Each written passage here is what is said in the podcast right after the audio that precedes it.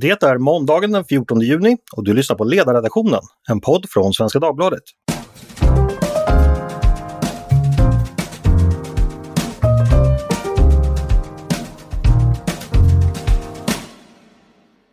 Nu har det gått ett år sedan åklagare Christer Petersson på en uppmärksammad presskonferens som jag tror de flesta av oss minns redogjorde för sina slutsatser om mordet på Olof Palme.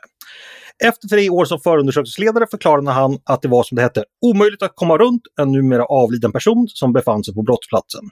Eftersom personen, känd som Skandiamannen eller Stig E, är död återstod enligt åklagaren bara att konstatera att vidare utredning inte var meningsfull och därför lägga ner utvecklingen.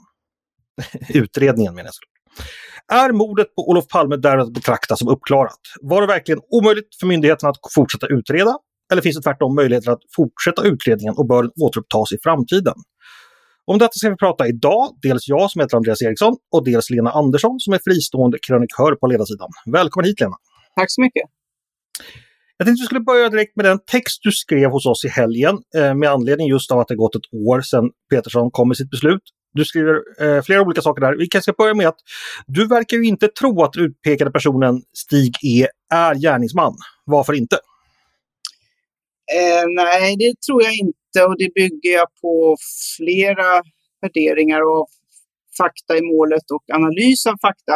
Till exempel att eh, de centrala vittnena vid mordplatsen, eh, till exempel Björkman som går bakom fem meter ifrån, sju kanske, eh, talar om en mm, väldigt, väldigt säker på att han ser en upprullad keps, eh, upprullad, inte ser en keps utan en upprullad stickad mössa, alltså Jack Nicholson-typ som man säger, alltså i, alltså den från Gökboet. Han till och med ritar en, en teckning av den och den här uppgiften är han alltid säker på. Han är mycket nära. Eh, sen är det ju så att andra också ser den här mössan eh, som sådana som, som är bra vittnen. Mm. Vi ska säga då att Stig E var ju inte känd för att bära någon typ av toppluva utan det var väl han hade kepsarna. Keps. Hade, han hade sån där keps och eftersom många såg mordet i siluett så, så borde en sån keps ha synts.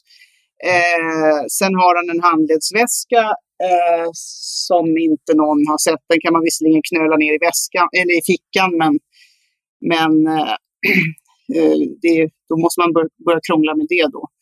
Och mm. sen är det ju kanske det viktigaste av allt att det här mordet utförs ju på ett otroligt kyligt sätt eh, av någon som vet precis hur man gör.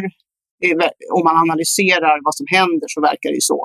Han, han lyckas också göra det här och vara så disciplinerad att han döljer sitt ansikte för närmaste vittnet och för alla. Han, han gör inga misstag på det sättet.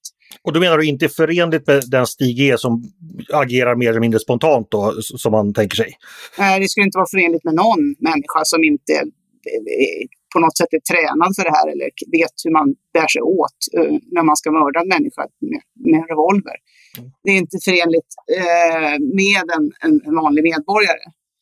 Så att, uh, jag menar, konstigheter kan ju hända, men det, jag tycker att det finns så mycket som talar emot att, det, att det, det är rimligare att tänka sig att det är något, någon annan. Okay. Och han stämmer helt enkelt inte på egentligen vad någon, någon berättar om. Han har rock på sig, men det har ju ganska många. Mm. Jag ska bara återge en del av åklagarens argumentation var ju så att, att eh, Engström kan ju, eh, Stig E kan ju bindas till platsen då via att han kom ut på, på efter att ha pratat med, med väktare på sitt jobb och där finns också en in, utpasseringstid via ett elektroniskt system. Han kan också bindas till platsen via att han ser ett annat vittne, vilket han berättar om i ett väldigt tidigt skede som själv inte visste att han fanns där. Så att, att han var någonstans i faggorna anser åklagaren vara styrkt. Och då menar han att eftersom ingen annan ser honom efter mordet så måste han vara någon annanstans då. Den enda som var på platsen i samband med mordet och sen inte var där efteråt, det var ju gärningsmannen och därav enligt åklagaren följer att Stig E är gärningsmannen. Vad ger du för det resonemanget? Ja, det är ett spännande eh, resonemang och det är lite grann Agatha Christie, att, vi, att här, här, är, här är de inblandade, en av dem är inte på plats efter mordet, alltså måste det vara han. Det är bara det att det kan ju vara en till person här och det är den riktiga gärningsmannen.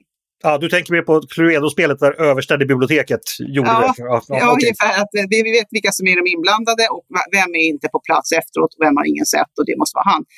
Men det kan ju vara så här att Stig Engström är där eh, och inte är på, platsen efter, på plats efter mordet, men också gärningsmannen är där och inte på platsen. Så att det, det, det säger ju inte att det är han som är gärningsmannen. Eh, däremot är det ju en, en, en, märklig sak att det verkar vara han som springer upp för trapporna. Eh, så, alltså, han verkar ju vara uppe på åsen med sin väska, eh, med sin handledsväska och sin keps. Va? Eh, så att eh, han, är ju, han är ju där och han har någon underlig, han gör underliga saker. Det har man ju vetat alltid. Alltså, Skandiamannen har ju ständigt varit en jäckande gåta. Okej, okay, så du tror också att han på något sätt miss, försöker missleda om, om vad det är han gör? Ja, det, är något han, det är någonting han håller på med som han inte kan berätta. Eh, det tror jag man kan eh, vara klar över. Han, det, det, verkar inte riktigt rätt det han berättar. Ja, okay. Vi ska lämna Sveavägen bara för ett ögonblick och gå in på den process som har ägt rum då sedan eh, Peterssons beslut. Eh, det var ju många andra som precis som du inte var nöjda med det beslutet och vände sig till Åklagarmyndigheten för en överprövning, som det kallas då, vilket avslogs, vilket du också då förstås är kritisk till. Kan du berätta lite om det beslutet, om hur det har motiverats och vad du ser som problematiskt med det? Eh, ja, motiveringen är att, eh, att, det inte, att, det, att det är bra skött och att det är gjort som det ska och att eh, de enda som kan begära att få det här granskat är den är den misstänkte eller den som är utsatt för brott. Och det är en sån där standardformulering då antar jag eftersom ingen av dem kan i det här fallet ansöka. Eh, och sen ska det vara då någon som har, eh, har, man ska ha särskilda skäl som det heter, står det i överprövningsbeslutet.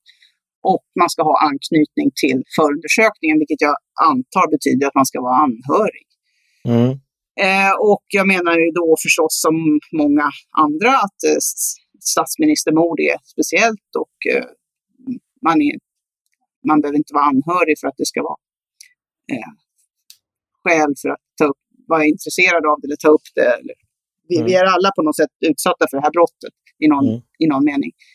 Eh, och sen är det att man får känslan av att, eh, riks, alltså att det inte finns någon överprövningsinstans utan att, att alla man får tyvärr känslan av att de håller varandra om ryggen därför att, eh, därför att de inte ens prövar argument och inte svarar på de argument som läggs fram.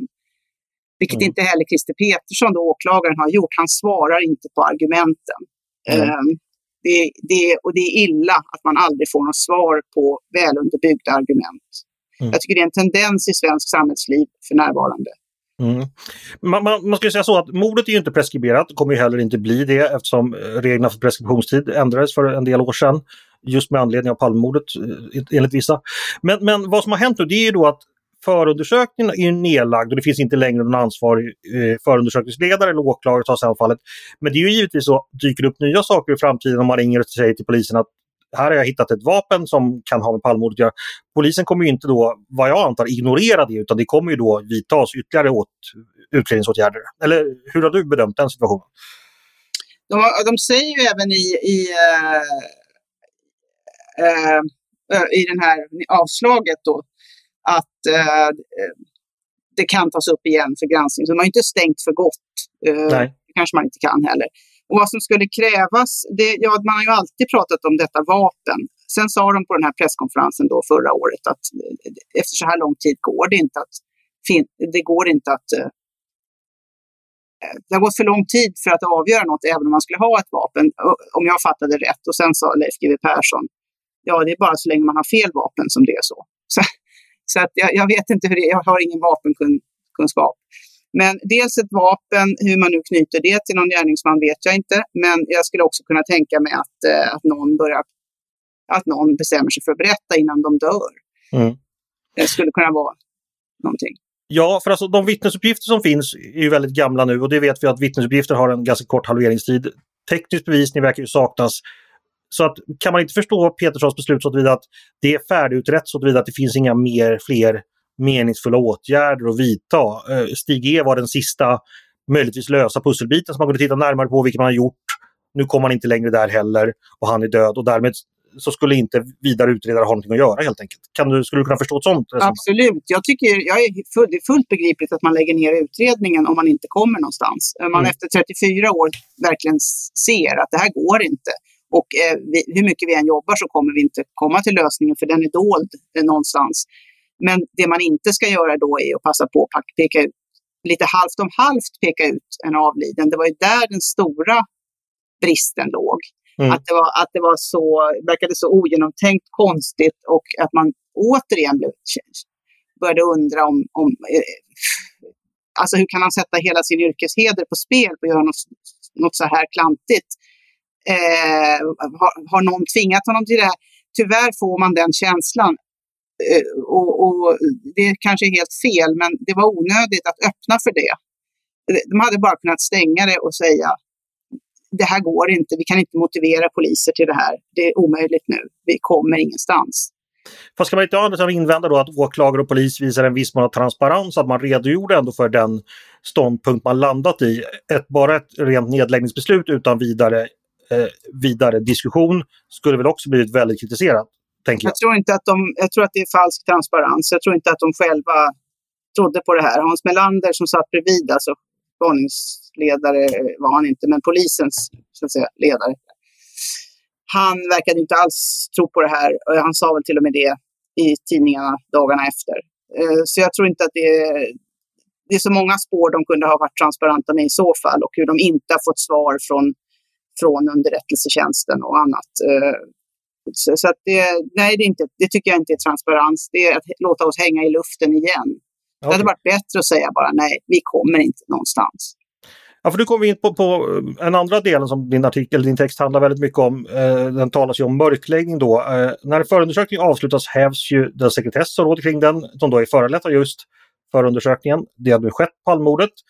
Och många människor har under det år som gått begärt ut handlingar.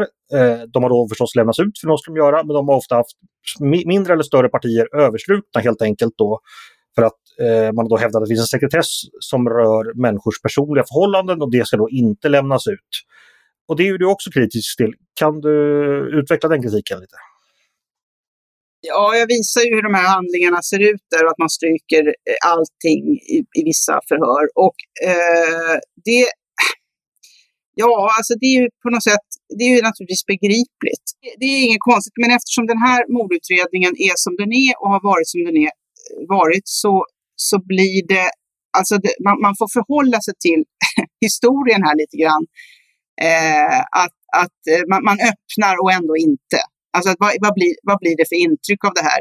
Vem har gett instruktioner till de här strykningarna? Eh, hur vet de vad de ska stryka? Jag, vet, jag råkar också veta till exempel att de stryker absolut strunt som att eh, det finns ett mordplatsvittne som eh, berättar att någon annan, någon tjej på platsen kräks när hon ser det som händer. Mm. Eh, eftersom det ligger, det finns ju i Christer Pettersson eh, förundersökningen, så det ju, har ju varit öppet i, i, i, i över 30 år. Så den, den, den, det förhöret finns ju öppet. Det är ändå någon som har begärt ut det nu. Mm. Och då har de strukit att hon kräks. Mm. Därför att det, det, ja, jag vet inte om det är då, det är ingen som vet vem hon är. Hon är inte namngiven, ingenting. Och det är 30, 34, 5 år sedan hon kräktes. Alltså, jag menar, förstår du, det är också strunt som har strukits. Det, ja. det är klåfingrighet. Det är, de vet inte varför de gör det, delvis. Och sen vet de väldigt väl varför de gör det. Jag vet också en mycket central eh, placerad person eh, som har begärt ut sitt eget förhör. Och han har väldigt intressanta saker att säga. Och där var det markerat vad som skulle maskeras om han inte själv hade begärt ut dem, alltså någon annan hade begärt ut det. Och det, det var sådana saker som skulle göra alltihopa obegripligt. Helt meningslöst förhör, men han har jätteintressanta saker att säga som ingen har brytt sig om. Eh, så att, så att självklart är det vidrigt med privatlivets eh, skändning och allt, allt sånt som pågår hela tiden och allt mer i, i vår tid med sociala medier och eh, lättheten i att, att skicka runt saker. Men man skulle ändå vilja ha transparens kring hur de här strykningarna går till, vem som ger instruktioner, varför Stay Behind är helt höljt i dunkel, totalt svart, lagt i svart. Eh, vad, vad, vad det är för mening med att skicka ut dokument som är helt svärtade. Varför gör man det? Mm. Så, så det, det, det, det, är inte det att jag inte förstår att det är viktigt att man ska kunna prata med polisen och sen ska inte det vara, vara eh, allmän egendom det förstår jag att det är väldigt väsentligt i, ett, i en rättsstat. Men vi har här också en ganska speciell situation som vi åtminstone skulle behöva diskutera hur man ska göra så att, vi, så att någon motiverar det här. Mm. Vi ska säga det, det har ju också ägt rum processer kring det här. Något fall tror jag har varit uppe i förvaltningsrätten då där polisen som jag, du får rätta mig om jag har fel nu, men, men att man fick lite bassning för att man Ja, hade strukit för mycket. Så att eh, det här prövas ju. Det finns ju möjligheter också för medborgarna att, Mm. att, att pröva givetvis. Så det är möjligt att det kommer eh, så småningom utkristallisera sig i något läge. Ja, men för jag tänker ju också, vi befinner oss, det är en fredagkväll i Stockholm, vi befinner oss det är ganska sent ute, folk är antagligen ute i, i privata ärenden. Vi Mm. befinner oss i ett område där Ja, vi, vi befinner oss inte långt, så långt från Malmskillnadsgatan. Där Just med, med det, vi befinner oss, eh, det finns en narkotikahandel, det finns alla möjliga konstiga och privata saker man gör fredagskvällar sent på natten så att säga. Så att, att människor kan då berätta för polisen saker som man 30 år senare känner ett Mm. visst obehag för att det blir allmän egendom. Så, det, det köper du, du, du är med på liksom ja, det, jag förstår att det är ett väldigt stort dilemma här. Ja. Verkligen. Just det. Eh, nej men sen också, eh, det finns ju också en historia som du säger kring Palmemordet och eh, när du använder ordet mörkläggning så, så finns det ju många som har anklagat Palmeutredningen för att helt enkelt ha snarare då eh, lagt folk saker och ting i mörker än att tagit fram sanningen. Och det, det är givetvis en väldigt allvarlig anklagelse. Jag kan inte se att den är styrkt någonstans, även om jag liksom vet var argumentet kommer ifrån. Hur, hur, hur skulle du kommentera, kommentera det? Har, menar du att det finns liksom ambitioner från någon form av myndighetssida att helt enkelt dölja delar av det som har skett? Här? Eller hur tänker du där? Ja, alltså någon del av staten vid någon tidpunkt i alla fall. Eh, alltså politik och myndigheter tills, tillsammans. Men det, det, då måste vi först klara ut vad en mörkläggning är. Eh, jag menar att man kan, för det första är en konspiration något helt annat än en mörkläggning. Mörkläggning är att man känner ett obehag inför att saker kan komma fram som blir andra, alltså det rullas upp saker som inte har med saken att göra ens kanske Mm. men som blir, äh, som blir kända. Och det är, det är obehagligt och det, det är inte säkert att man vill. Och det inte, behöver inte vara några stora grejer, men det kan vara svårt att förklara dem. Det kan vara att de felaktigt framställs. Vi vet att om en mediabild sätter sig så är det omöjligt att ändra på den. Eh, det, det, det är mänskligt begripligt att man kanske inte... Mörkläggning kan ju vara till exempel att man inte anstränger sig över hövan eh, Eh, för att få fram vissa saker. Eller man, man, man underlåter att göra saker. Man vet att eh, nej, vi kan inte berätta om det där för då kommer det här fram om rikets säkerhet eller om... Eh, eh det här är spekulation från min sida, men, men så här kan det, ju, kan det ju vara rent psykologiskt. Att man, man säger inte vissa saker och gräver inte i vissa gropar för att det kan vara otäckt annat som kommer fram där och det vill man inte. Och det finns ju, jag menar, sköter man ett mord, en mord på en statsminister på det här sättet så får man räkna med att det blir spekulationer. Det, det, det ligger i sakens natur. Det, det här var inte bra skött och det är alla eniga om. Vi har också alla walkie-talkie-observationer som på något sätt aldrig riktigt har tagits på allvar. Eh, och som inte, där ingen förklarar sig. Alltså, man kan ju också kliva fram och förklara sig och säga det var det, var det här. Eh, ni kan glömma det där. Och så får man bedöma om man tycker den argumentationen är bra. Eh, vi har också att e- Ebbe Carlsson och Hans Holmér var kända rörmokare i Socialdemokraterna. Alltså de hade ju hållit på tidigare med, med, med saker som behövde ja, fixas. På 70-talet, inte minst med sjukhusspionen och Ebbe med Geijeraffären. Och, alltså det fanns ju en historia av affärer där de var inblandade och där saker behövde döljas. Det har ju visat sig efteråt. Eh, och de är även väldigt centrala i den här, i det här, i den här händelsen. Mm. Jo, det är de absolut. Jag tänker lite så här, jag känner ju igen eh, den typen av tankar du för fram. Det, har- du, sådana har ju luftats nä, nästan ända från början. Jag kan förstå att man, man kan hysa sådana misstankar, men vad jag har sett har det aldrig varit styrkt. Det finns liksom ingen smoking gun som pekar att här har verk, verkligen en aktiv mörkläggning skett, utan det kan lika gärna, menar jag, förklaras av inkompetens, opportunism, eh, vad ska man säga, politisk fingerkänslighet från ledande eh, polischefer, ja, inte minst då Hans Holmér som har anklagats för att ha varit en väldigt anpasslig. Vad, vad säger du då? Alltså, eh, köper du min syn att det skulle lika gärna kunna vara att man har helt enkelt klantat sig och klanterierna har avlöst varandra och därför kan det framstå som mer konspirativt än det här egentligen är? Eh, alltså teoretiskt sett är det absolut möjligt. Eh, det brukar ju vara så man, för, alltså det brukar vara så det presenteras. Alltså skälet till att vi sitter här idag och pratar om det är att det var inkompetens på alla händer.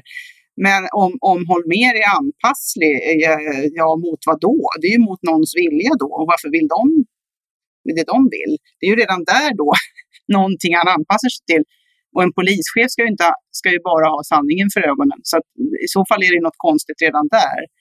Eh, och det är så otroligt mycket inkompetens eh, i så fall. Så att eh, det verkar helt ofattbart att det skulle vara så mycket inkompetens. Vi, vi, är ändå mitt i kalla kriget när det här händer. De måste ju ha någon sorts förberedelse för saker och ting, tränat sig eh, och annat. Och eh, jag menar, man kan, man kan på något sätt sluta sig till av vissa beteenden att, att, att det är någonting konstigt. Alltså, det är för många beteenden som, som är eh, outredda eller, eller oförklarade för att, för att det ska vara eh, troligt att det inte är någon form av döljande. Eh, och ehm, eh, det är bara en sån sak som att statsministern är skjuten och ingen åker och, vad jag vet så åker ingen och, eh, från statliga myndigheter och skyddar Radiohuset, TV-huset, Kaknästornet. Ingen åker hem till Ingvar Carlsson och, och, och skyddar honom utan han tar en taxi in till Rosenbad. Alltså det, det är ju som, det sitter Säpo-folk på ledningscentralen, allt det där som, som man är en foliehatt om överhuvudtaget yttrar. Men vad ska vi göra med att det var så då? Mm. Fast det här med att vi är oförberedda för, för, för otrevliga händelser, jag menar UD hade ju uppenbarligen ingen beredskapsplan trots att det fanns 30 000 människor i, i, i tropikerna i ett område känt för naturkatastrofer och utrikesministern visste inte ens vad platsen hette. Jag menar, det har vi andra, nu tänker jag då på tsunamin, mm, det har vi vid andra tillfällen avslöjats ska man säga, alarmerande brister i den svenska krisberedskapen utan att för den skull det har legat konspirationer bakom. Det, så tänker jag också man kan, mm. man kan mm. invända. ja, ja, absolut, absolut. Och eh, det är naturligtvis ett problem att, eh, att, att, vi inte, att det bara är lösa trådar eh, och ingen som säger någonting. Eh, även om jag tycker kanske det ligger i sakens natur, det är förenat med viss fara. Men sånt här är ju problematiskt, det går ju aldrig att belägga det och därför ska man inte prata om det och det är därför det inte pratas om det, för man måste ha belägg, och belägg när man pratar och då lyckas man ju också med det. Det är det som är problemet. Så att det är en, så att säga, cirkulärt i båda riktningarna. Eh, men eh, nog skulle man ha velat få svar på en massa frågor i alla fall.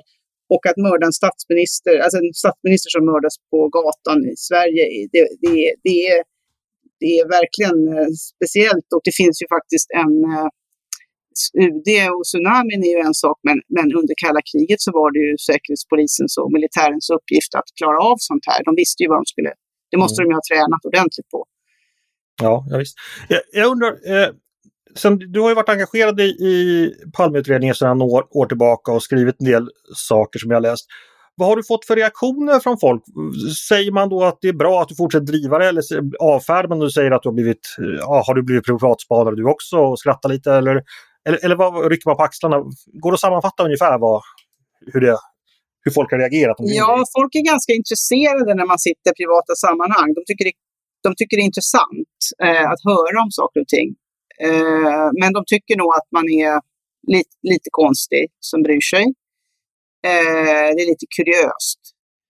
Och mm. På den här artikeln har jag ju inte fått några reaktioner annat än från sådana som håller på med det här. Mm.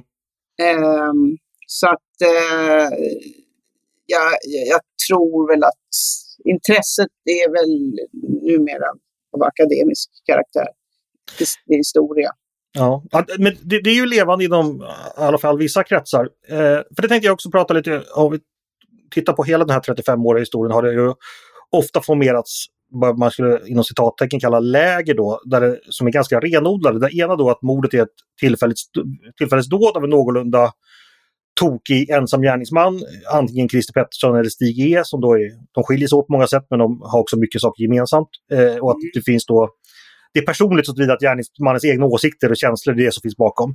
Det mm. andra lägret ser oftast ganska utförligt broderade politiskt motiverade konspirationer. En grupp människor gemensamt planerar för att helt enkelt ta bort Olof Palme för att han hotar vissa politiska intressen och att det även kan finnas eh, kopplingar till den svenska statsapparaten. Här. Alltså att det är ju två väldigt olika versioner av samma händelse. Eh, håller du med om den uppdelningen att det är så det har sett ut? Och har du någon position på den skalan så att säga? Och vad menar du i så fall skulle tala för den? Ja, alltså om man anser att det är en ensamagerande gärningsman, då är det ju inte så politiskt. Då är det ju en galning. Mm. Eh, för det räcker ju inte att, det räcker inte att hata Palme för att skjuta honom. Det är, en, det är, en rätt, ett stort steg däremellan. Nej, precis. Men, men det kan ju vara någon som upplevt sig kränkt av något specifikt i Palmes politik exempelvis. Ja, men man så... går inte och skjuter. Det, alltså det, då är man galen. Då är ja, man så, det... så galen så att det inte har med politik att göra i stort sett egentligen. Eh, han, ja. Så att, eh, ja, uppdelningen, så det, så det är de som man anser då att det här är på något slags en, slump, en slags slumphandling. Och sen ja. det andra lägret då är väl då ofta eh, Ja, de är, väl, de är väl ganska långt till vänster ofta, de som anser att... Eh, och de som, de, överhuvudtaget de som är intresserade av Palmemordet är faktiskt ofta långt till vänster. Alltså långt till vänster om socialdemokratin. Mm. Eh, för de mist, misstror den djupa staten. Eh, men jag tror ju att, ja, alltså jag håller med om din uppdelning, men jag tror att det finns kanske någon tredje möjlighet också att eh, att han inte störde vissa intressen eller hotade dem som du säger, utan att han eh, eh, det låter som att han, eh, ska jag säga, jag tror, jag tror att han inte, helt enkelt eh, ansågs göra saker som inte var acceptabla. Eh, mm. men, men, jag är inte säker på att det var avsikten var att mörda honom. Eh, jag tror att det inte var tanken, kanske när kvällen började. Så de ansluter då till den här misstanken att det skulle kunna vara en konspiration bakom där någon så att säga, en konspiration inom konspirationen där någon själv kan ha tagit saken i egna händer ja. och därefter har då medkonspiratörerna dragits tillbaka så de insåg att de var inblandade i någonting som slutade med ett, med ett statsministermord. Ja, ungefär så. Jag tror ja. inte att det var tanken att mörda honom, men någon, någon passade på. Eh, av, av personligt hat kanske. Mm. Eh, för att och någon som var kapabel då till en sån här sak och också kapabel att komma undan. Eh, för det är inte bara att mörda honom som, som det gäller här, man ska också komma undan. Mm. Eh, på, vilket har lyckats perfekt. Eh, så jag tror att tanken var på något sätt att få honom, få Palme att eh, ja, besinna sig. Han skulle till Moskva där i april. Eh, han, eh, jag tror att jag tror att Palme hoppades göra hela Östeuropa till socialdemokratiskt när det nu var vacklade eh, mm. systemet där. Och att han, eh, det var det han jobbade på, tror jag. Mm. Och detta då skulle ha, andra skulle haft en annan uppfattning om hur? Ja, att han kanske då höll på med, med, med, med underhands här vad man nu gör för någonting. Mm. Eh, träffade folk han inte borde träffa och sådär, men, men tyckte att det var legitimt för hans i nedrustningssyften och annat. Och det tyckte inte de som då övervakade honom. Mm. För han verkar ju ha varit övervakad. Ja, om det strider ju, men det finns ju i alla fall eh, från året han mördades finns det ju en Säpo promemoria där man talar om att övervakning har skett innan. Eh, senare utredare har väl inte kunnat styrka det, så det, det, vet vi väl inte riktigt. Nej, men problemet är att de här människorna inte berättar. Så det är väldigt, väldigt, det ligger ju i sakens natur att saker inte går att styrka. Jag menar, för mig är det också väldigt belysande att, att man ansåg, officiellt ansåg att Kennedy sköts av en, en person bakifrån och så samtidigt så, så skjuts bakhuvudet bort. Mm. och vi har en magic bullet som inte kan gå på det sätt som den går. Ja. Ändå framhärdar man med att det var en ensam person i ett skolbokslager. Ja. Vi ska inte gå in på, på, på Kennedy för då, då måste vi Nej, men det, det, det, är möjligt alltså att, att säga saker som är orimliga och ja. få, dem, få dem att bli sanna. Så att, eh, vi kommer aldrig få veta varför Säpo har slarvat bort handlingar och varför de har men om vi tänker så här, säg nu att det går som det verkar nu ungefär, att utredningen är nedlagd, inget ytterligare kan ju, kan ju kanske tillkomma med tanke på att ja, om inte du, det finns människor som vet saker som berättar innan de, de dör, som du föreslår, men att det långsamt går in i så att säga det historiska forskningens domäner snarare än det, det dagsaktuella. Eh, ja, för det första, tror du att vi är på väg dit, att vi liksom Palmemordet håller så småningom på att glömmas bort och bara hålls bli liv i, i liksom mer eller mindre specialintresserade sammanhang. Och vad skulle det i så fall få för konsekvenser? Eller tror du tvärtom att vi kan förvänta oss fler överraskningar i, i, i efterspelet så att säga? Nej, jag tror att det första du sa där, att det går, håller på att glida in i historiens, inte glömska, men som en historisk händelse. Men därmed fryses det också i tiden. Mm. På, något sätt, på något sätt hade det gått längre tid, två år efter mordet, än det har gjort nu. Alltså det har redan fryst i tiden. Efter två år tyckte man att det här är fruktansvärt, det går inte att lösa det, det gått två år. Mm. Och nu, eh, nu är det som att nu ligger det fast där det ligger och eh, fakta, de fakta som finns, de finns. Men, men jag förstår inte hur historiker ska kunna forska om det här om papperna är så svarta och, och ingenting får komma ut. Och det är svårt att förstå. Ja, men alltså, det, det, vet jag inte, jag inte heller exakt hur man gör, men, men rimligtvis så är det väl så att eh, de personliga skälen, skälen att visa personlig hänsyn minskar i takt med att personerna det rör så småningom kommer dö, dö av. Så framtida generationer av historiker kommer kanske ha en annan möjlighet att forska ja, materialet. under långt senare ja. ja. ja men, men för, för förr eller senare kommer det här hamna på, på, på Riksarkivet snarare än i polisens arkiv och då blir det en annan sak så att säga. Så, mm. så har det skett kontinuerligt med andra frågor. Exempelvis, vi vet ju mer om andra världskriget idag än vi gjorde säg 1980 just för att just saker har gradvis. Dock tror jag att man måste då få tillgång till Säpos och militärens arkiv också. Det, alltså jag tror kanske inte att lösningen finns i nödvändigtvis i förundersökningen. Eh, utan man får lägga ett pussel utifrån den. Men, men det, man måste också in i de här hemliga arkiven i så fall. I den mån de finns kvar. Vi har ju hört nyheter exempelvis att någon Säpochef grävde ner pärmar i sin egen trädgård och så vidare. Så att det kan ju vara mm. så att saker hinner komma på avvägar innan ja. historikerna når fram dit. Ja. Med, med, det så är vår tid nästan ute. Jag tänkte bara höra, har du någon eh, sista spaning om eh, vad som kommer hända i Palmefrågan för, för övriga frågor. Finns det någon överraskning där framöver? Eller skulle det kunna ske någonting idag som skulle kunna förändra läget? Tror du? Eller? Ja, jag tror ju att man, ska, man förändrar läget om folk blev sattes och analyserade eller lyssnade på de som har analyserat själva mordhändelsen. För den är outredd. Den är slarvigt analyserad av polisen. Eh, och eh, det, hur det faktiskt gick till. Mm. Exakt i detaljerna. Och gör man det så ser man att, att det inte riktigt är som det har framställts varken på filmer eller i, på presskonferenser.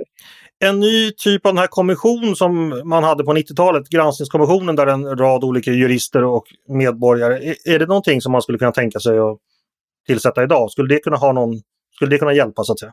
Om det är rätt personer så kan du alltid motiverade personer som eh, inte är radikalskepticister och tror att ing, tror att ingenting någonsin är, är konstigt. Eh, men kanske. Men jag tycker att de sätter dit eh, personer som... Eh, alltså det är som att man, alltså man, sett, man liksom begär resultatet redan i hur man form, formulerar eh, frågan och tillsätter personerna. Så att jag tvivlar på att det skulle hjälpa. Mm. Men i princip, ja, absolut. Skulle du vara aspirant på en plats i en sån kommission? Om de fick ett stort mandat? Ja. Nej, jag har inte tid. Eh, jag vill inte ägna mig mer åt det här än jag gör. Okay. Men det finns många bra andra som skulle kunna sitta där. Det finns säkert. Stort tack Lena Andersson för att du kom till oss och pratade lite om din text om Palmemordet. Ett år efter den så kallade lösningen som sagt. Kanske vi kan känna att vi kanske inte har kommit så närmare lösningen just nu, men vi har i alla fall hunnit prata igenom. Tack så mycket Lena att du kom. Tack. Innan vi tackar helt för idag ska jag passa på att tipsa om vår grannpodd på Svenska Dagbladet, Nyhetspoddens Dagens Story, där du på en kvart varje dag får en fördjupning i aktuellt, ett aktuellt ämne. Det du har lyssnat på nu heter Ledarredaktionen, en podd från Svenska Dagbladet. Ni är varmt välkomna att höra av er till redaktionen med tankar och synpunkter på det vi precis diskuterat. Eller om ni har idéer och förslag på saker vi ska ta upp i framtiden. Maila då till ledarsidan snabla svd.se. Stort tack för idag! Producent har varit Jesper Sandström och själv heter jag Andreas Eriksson. Jag hoppas att vi hörs igen snart.